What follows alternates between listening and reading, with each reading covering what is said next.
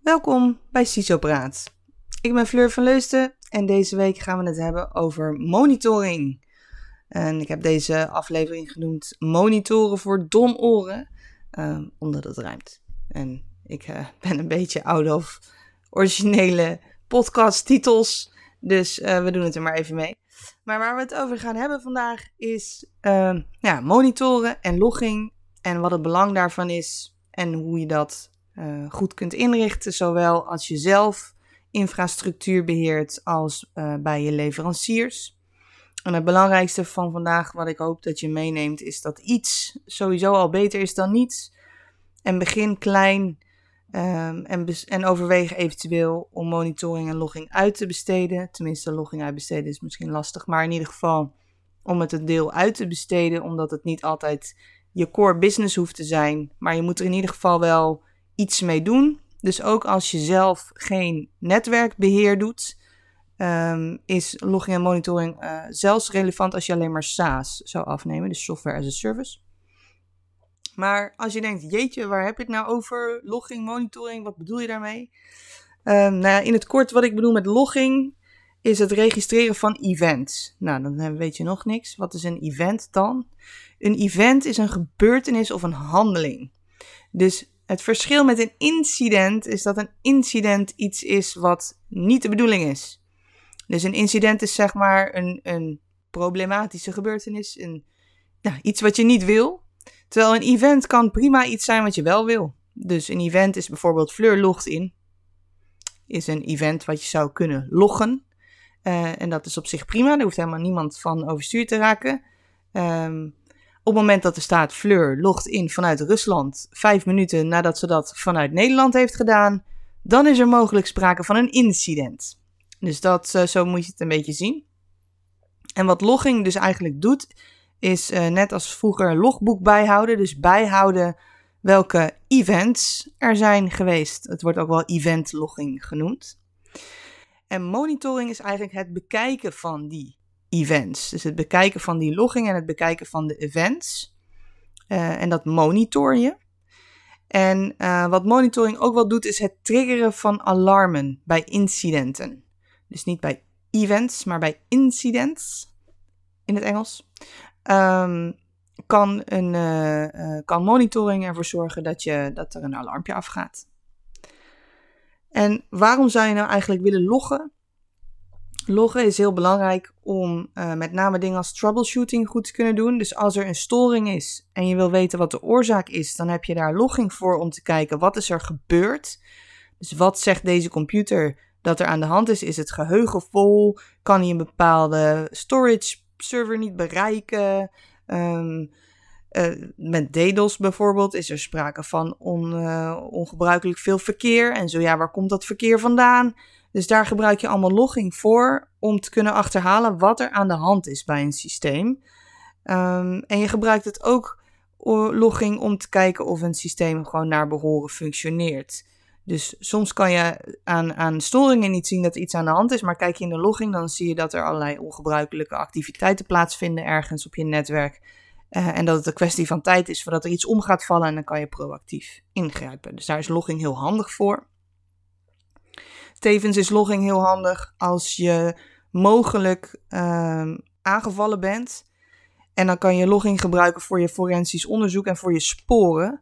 Omdat um, nou ja, cyberaanvallen, om het woord cyber maar weer eens te gebruiken, um, de nodige sporen achter kunnen laten in logging. Ondanks het feit dat aanvallers logging ook wel eens willen aanpassen of deleten om hun eigen sporen te wissen daar moet je logging ook tegen beschermen, maar daar gaan we het nog wel over hebben. Uh, maar logging is dus ook handig om te achterhalen of er sprake is van misbruik op je netwerk. Um, het wordt gebruikt voor dingen als compliance, uh, strafbare feiten achterhalen. Heeft iemand bijvoorbeeld terroristische uh, activiteiten op jouw netwerk zitten voorbereiden of uitvoeren? Dat kan je allemaal zien als je logging hebt.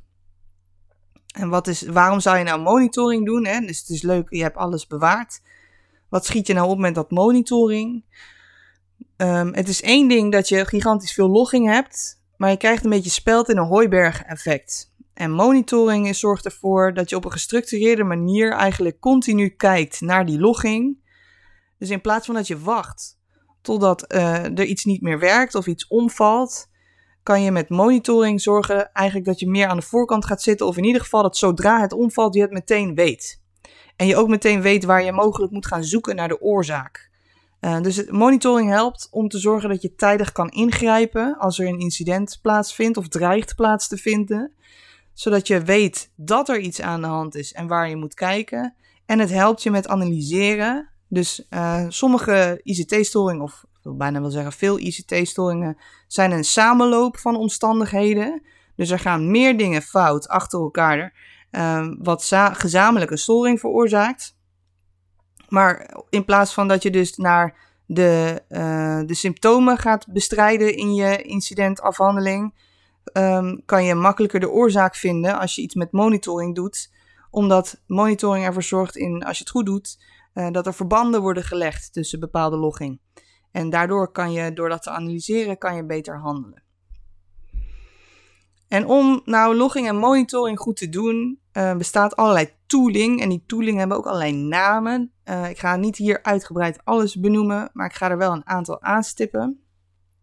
Een voorbeeld van tooling wat veel gebruikt wordt voor logging, dat heet een SIEM. En SIEM is S-I-E-M van Marie.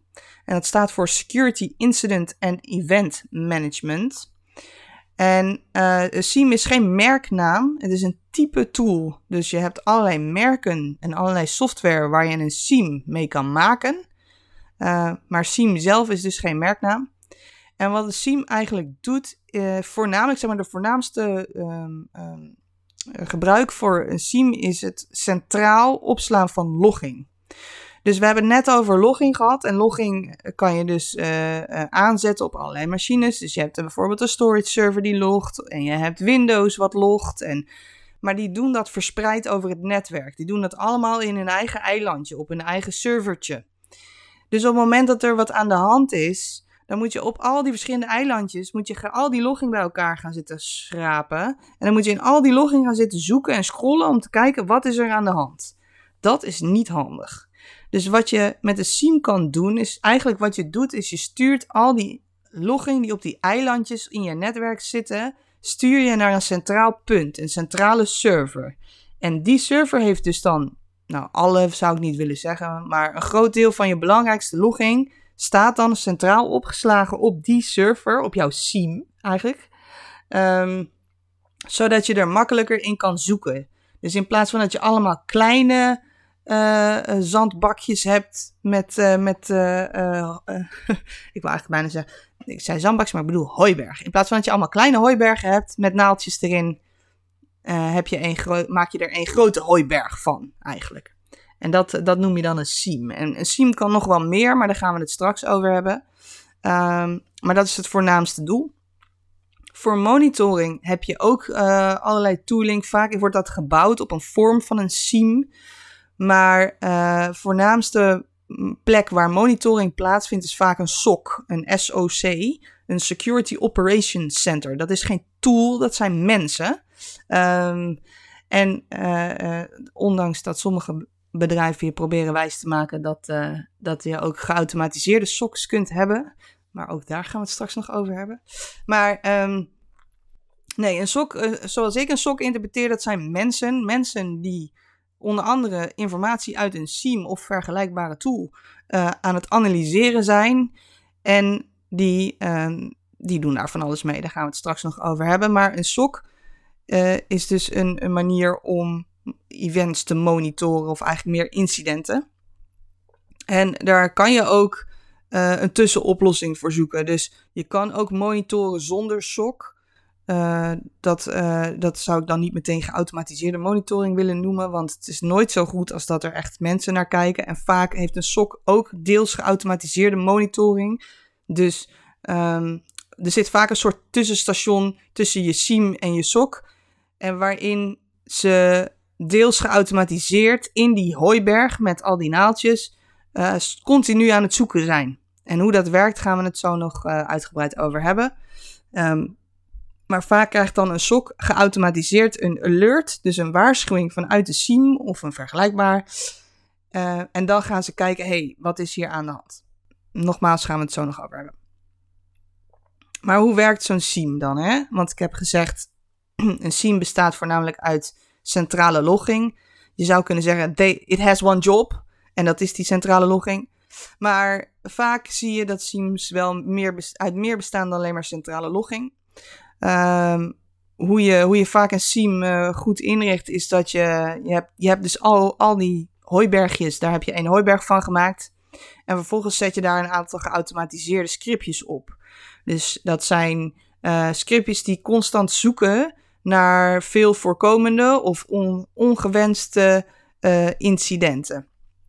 Dus bijvoorbeeld als jij een inlogportaal hebt en jij wil ervoor kunnen zorgen dat um, in dat inlogportaal er geen mensen vanuit Rusland inloggen, ik zeg maar wat, um, dan, dan kan je dat disablen. Maar je kan ook dus monitoring erop zetten dat zodra jouw SIEM een IP-adres of Russische, weet ik veel, toetsenbordinstellingen uh, detecteert, dat er een alarmpje afgaat en dat er iemand naar gaat kijken. En dat zou dan een use case zijn. Dus dan bouw je een script wat continu zoekt in de logging in die hooiberg naar IP-adressen en toetsenbordinstellingen en allerlei uh, potentiële giveaways dat iemand uh, vanuit Rusland inlogt. En dan uh, krijg je daar automatisch een alarmpje op het moment dat hij dat detecteert. En dat alarmpje kan dan via e-mail zijn of sms of nou, er zijn allerlei oplossingen voor. Maar het is altijd een mens die vervolgens moet gaan handelen. Dus de SIEM gaat niet uit zichzelf vervolgens accounts disabelen of uh, weet ik veel, ingrijpen. Dat doet een, een SIEM grijpt niet in. Uh, een SIEM zal alleen waarschuwen of een alert uitbrengen.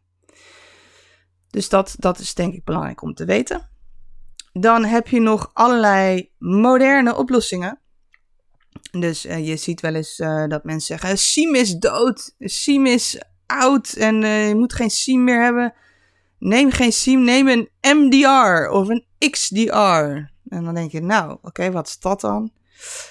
Uh, MDR staat voor Managed Detection and Response. En wat MDR in mijn ogen eigenlijk gewoon is, is het uitbesteden van jouw logging en monitoring. Tenminste, niet zozeer je logging, want dat zal je altijd zelf moeten blijven doen. Maar met name je monitoring en het handelen daarop, dat besteed je uit. Dus in plaats van dat je zelf een sok gaat inrichten of zelf een SIEM gaat bouwen, is eigenlijk het enige wat je doet, is het voorwoorden van al die logging. En, en eventueel, je hebt nog, uh, wat ze ook wel doen, is dat ze sensoren in je netwerk bouwen. Dus dan heb je extra logging, want die sensoren die monitoren dan weer datastromen. Uh, maar daar ga ik je nu even niet mee velen. Anyway, de informatie uit je netwerk, die voorwoord je naar je leverancier, die jouw MDR-oplossing levert. En die gaat vervolgens voor jou dus use cases bouwen. Uh, maar daar merk je verder niks van, want daar vertellen ze niet zoveel over. Maar die gaat dus uh, vervolgens voor jou aan de slag. En op het moment dat er allerlei incidenten zijn geweest, dan gaan ze dat ook nog eens een keer voor jou afhandelen. Dus het wordt gemanaged voor jou. Het detecten en responsen van, uh, van, van incidenten, dat wordt voor je gemanaged. En dat noem je dan een MDR. Dan hebben we nog XDR. En dan X, uh, XDR staat voor Extended Detection and Response. En wat dat eigenlijk doet, is het bouwt voort op wat een SIEM doet. Dus het, uh, kijk, waar een, een is wat dommer, zeg maar. Dus in een SIEM zet je, wat ik zeg, die zet een use case. En die use case die gaat gewoon koud zoeken naar dingen die jij hebt gezegd waar die naar moet zoeken. Dus jij, wat ik net zei, hij gaat zoeken naar Russische IP-adressen, hij gaat zoeken naar Russische toetsenbordinstellingen, hij gaat zoeken naar mensen die een raar besturingssysteem hebben. En op het moment dat hij dat ziet, gaat hij triggeren en gaat hij alarmeren. En daar kan je nog wel wat nuance in toepassen. En je kan ook wel zeggen dat die dingen moet correleren. Dus dat hij moet zeggen, het moet niet alleen maar een Russische IP-adres zijn. Het moet ook nog eens een keer ergens in de nachtelijke uren van tussen zo en zo laat zijn. En het moet... Um, het moet niet alleen maar een Russisch IP-adres zijn, maar het moet, het moet altijd de combinatie hebben van een Russisch IP-adres en uh, uh, andere toetsenbordinstellingen. Dat kan je allemaal wel instellen bij een SIEM, maar dat moet je allemaal handmatig doen. En dat, dat doet hij dan ook heel arbitrair. Dus zodra hij dat uh, ziet, gaat hij meteen alerten. Wat een XDR doet, is hij is daar, dat is meer de geavanceerde variant daarvan. Dus die verzamelt en correleert data van allerlei verschillende bronnen. Uh, en die doet dat ook vaak geautomatiseerd. En daar wil nog ook wel eens een ja-woord, daar ga ik hem zeggen, artificial intelligence, oftewel zelflerend algoritme-achtige oplossingen in zitten, waardoor een XDR ehm, soms net wat slimmer kan zijn dan, uh, dan zo'n SIM. Plus dat ehm, het gewoon, het werkt, het is makkelijker. Betekent dat dat je XDR moet toepassen? In mijn ogen niet per se. Betekent dat SIEM dood is? Absoluut niet, want een XDR is gewoon een fancy SIEM. Zo kijk ik ernaar. Maar hey, uh, shoot me. Goed, dan wil ik het gaan hebben over wat er allemaal fout kan gaan. Want ook al heb je een SIEM, dan ben je er nog niet. Er kan nog van alles fout gaan. Bijvoorbeeld dat je een SIEM hebt betekent niet dat je ook alle logging hebt. Dus als er logging is wat je niet naar je SIEM forwardt, of als er überhaupt bepaalde logging niet bestaat, dan kan het ook niet in je SIEM staan. Dus de basis is loggen. Je moet eerst loggen en dan moet je het naar je SIEM sturen. En als je één van die twee niet doet, dan staat het dus ook niet in je SIEM. En dus kan je dan ook niet zien wat er met die server aan de hand is. En als net die server een cruciale uh, bottleneck van je netwerk vormt, dan heb je een probleem. Um, dat had je ook gehad met een SIEM, maar dan was je misschien sneller bij de oplossing geweest. Of dan was je er misschien sneller achter gekomen dat er wat aan de hand was. Dus dat is iets wat mis kan gaan. Een ander ding wat veel gebeurt is dat logging tekort bewaard wordt. Dus even afgezien van een SIEM. Maar uh, ik zie wel eens dat sommige logging één dag bewaard wordt. En dat is prima als het gaat om logging die je alleen maar wil gebruiken om te troubleshooten. Vind ik een dag ook nog wel kort, maar oké, afhankelijk weer van allerlei keuzes die je maakt. Um, maar voor bijvoorbeeld incidenten uh, waarbij je mogelijk te maken hebt met een crimineel of met, met misbruik, dan is één dag echt veel te kort. Um, dus logging tekort bewaren gebeurt nog wel eens. Uh, ook als je na een bepaalde tijd denkt: hey, volgens mij is hier iets geks gebeurd. Of en je wilt terugkijken en je bewaart het maar een dag. Ja, dan, uh, dan heb je daar niet zo heel veel aan. Tegelijkertijd kun je logging ook niet oneindig bewaren. Dus logging uh, vreet opslagruimte. En opslagruimte is gewoon geld. Laten we wel zijn. Um, dus vaak, logging overschrijft zichzelf vaak. Uh, en daarbij um, moet je je dus realiseren dat hoe meer logging je hebt, hoe meer opslagruimte dat kost. Dus je kan alles wel op maximale logging zetten, maar je moet ook wel de plekken hebben om het mee op te slaan. En ik heb het al een paar keer genoemd. Met alleen een SIEM of met alleen centrale logging los je het speld probleem niet op. Dus je kan alles op één gigantische stapel gooien. Maar als je niet goed kunt zoeken in die SIEM, dan heb je er niet zo heel veel aan. Dus daar moet je ook wat mee. Um, en daarnaast heb je problemen met Seams, met name als je dus automatische um, scriptjes erin hebt draaien voor use cases. Um, dat de, zoals dat heet, de thresholds, dus de drempels, die moet je heel goed kunnen afstellen. En uiteraard moet je use case gewoon kloppen. Ik zal, uh, ik zal er zo nog wel een voorbeeld van geven. Maar dus wat, wat je fout kan doen, is dat je bijvoorbeeld een drempel niet scherp genoeg afstelt. Dus het alarmpje moet afgaan vanaf een bepaald moment. Maar als je die, als je die drempel heel hoog legt en dat wordt nooit gehaald, dan gaat dus ook nooit het alarm af. Um, en, het, en het omgekeerde kan ook. Dus dat je een drempel te scherp hebt afgesteld, waardoor continu de hele dag het alarm afgaat. Nou, en die balans is soms heel moeilijk om goed te krijgen als je uh, use cases in een scene bouwt. Daarnaast moet je je heel goed realiseren of een use case wel echt meet wat jij wil dat het meet. Om een voorbeeld te geven. Stel, jij wilt weten op het moment dat iemand aan het brute forcen is op een inlogportaal. Dus jij hebt een inlogportaal en jij wil weten op het moment dat iemand uh, echt achter elkaar verkeerde wachtwoorden intoetst, dan wil je daar een alarmpje van krijgen. Ik heb wel eens een SIEM gezien waarin deze use case zo was ingevoerd dat de use case keek naar het aantal verkeerde wachtwoorden wat werd ingevoerd in het tijdsbestek van een uur. Dat is op zich logisch, ja. Uh, maar dan keek hij niet naar een specifieke user account. Dus uh, brute force gebeurt over het algemeen op, op hetzelfde account. Dus je gaat op één account eindeloze wachtwoorden afvuren om te kijken of een van de meest gebruikte wachtwoorden van jouw lijstje, of die voorkomt, of, of dat die gebruikt is door dat account. Um, brute force eh, doe je over het algemeen niet op alle accounts van, van een uh, Active Directory of van, van een organisatie. Afgezien van dat het ontzettend luidruchtig is, um, is het ook gewoon niet zo slim. En, en, en er zijn allerlei randvoorwaarden voor nodig. Anyway. Dus als je wilt weten of iemand een account aan het brute force is, wat je dan eigenlijk wil weten is in een, inderdaad in een kort tijdsbestek, een uur is prima, ik zou het nog, nog wel korter kunnen, kunnen instellen. Hoe vaak typt iemand een verkeerd wachtwoord in voor dit specifieke account? Maar als jij het hebt ingesteld op alle accounts en je hebt een organisatie waar zoveel duizend medewerkers werken, dan kan ik jou verzekeren, en al helemaal als het ambtenaren zijn, dat na elke zomervakantie, precies op de eerste dag dat alle kinderen weer naar school gaan, dat alarm afgaat. Want wat gebeurt er dan? Alle medewerkers beginnen om 9 uur. Die hebben x aantal weken vakantie gehad. Die zijn allemaal hun wachtwoord vergeten. Die gaan hun wachtwoord proberen in te toetsen. En die gaan alle varianten af van 1 tot en met 10 die ze zich nog konden herinneren. En vervolgens gaat jouw alarm af. Want hij kijkt naar alle medewerkers. En hij telt dat allemaal bij elkaar op. Dus dat is geen goede manier om die use case neer te zetten. Dus je moet niet alleen kijken naar je drempels, je moet ook kijken, meet deze use case wat de bedoeling is om te meten.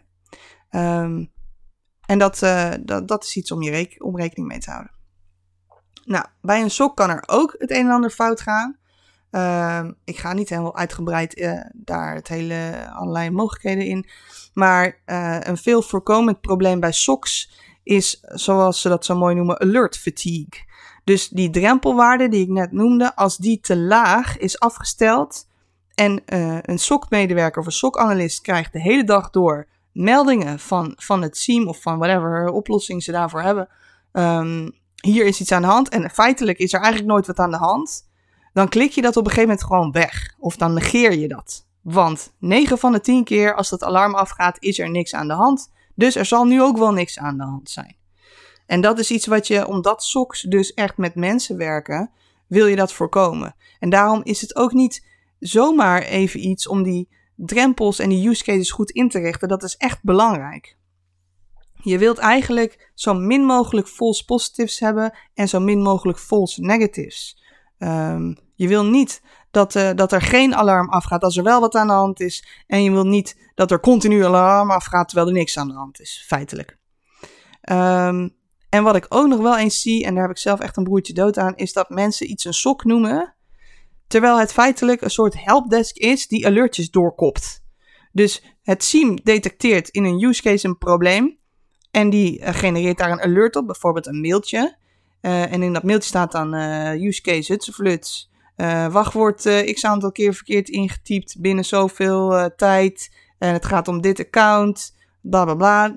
En wat het sok, dan, het sok tussen aanstekens dan vervolgens doet, is dat mailtje voorwoorden naar de klant. En de klant ben jij dan, bijvoorbeeld. Ja, excuseer, dat is geen sok. Dat is gewoon een veredelde helpdesk.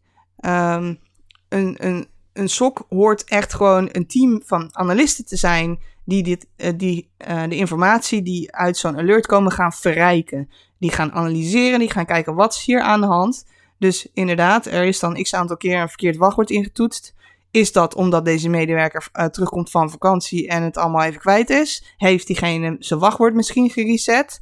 Um, of even kijken, hm, dit IP-adres lijkt uit Korea te komen, maar deze medewerker die woont in Amsterdam. Dus hoe komt deze medewerker ineens in Korea? Nou, dus dat zat misschien niet oorspronkelijk in de use case, maar dat is iets wat een SOC gaat uitzoeken op het moment dat er dus zo'n alert aan de hand is. Uh, en daar heb je een SOC voor. En niet om mailtjes te voorwoorden. Daar, daar zijn ze denk ik wel wat te duur voor. En daarmee zijn we eigenlijk alweer een beetje aan het einde gekomen van deze aflevering. Een vrij korte aflevering dit keer. Um, er is heus nog wel meer te vertellen over monitoring en logging. En misschien dat ik dat in de toekomst ook nog wel zal doen. Um, maar in het begin zei ik: iets is beter dan niets en begin klein of besteed het uit. En daar bedoelde ik mee dat uh, iets is beter dan niets soms zie ik organisaties die vinden dat als ze zo'n SIEM oprichten, dan moet die helemaal perfect zijn. Dan moet er echt een strikje omheen, dan moet die van goud zijn, dan moeten alle mogelijke use cases moeten erin zitten. Um, en ik zou eigenlijk willen zeggen dat hoeft niet per se. Dus je kan ook een SIEMpje of een Lite hebben, waar uh, dat wat hoeft niet helemaal op Splunk te draaien en allerlei fancy uh, tooling te gebruiken. Uh, je kan ook gewoon simpel twee, drie dingen monitoren en eens kijken hoe dat loopt. En hetzelfde geldt voor als, je, als je het groter wil aanpakken. Begin klein. Kijk met een paar use cases hoe het loopt. En breid het dan rustig een keer uit. Um, en als je denkt, dit past niet bij onze organisatie, het kost veel te veel tijd, we hebben de kennis niet en we hebben de, tijd er ook niet voor, of de mensen niet, maakt niet uit.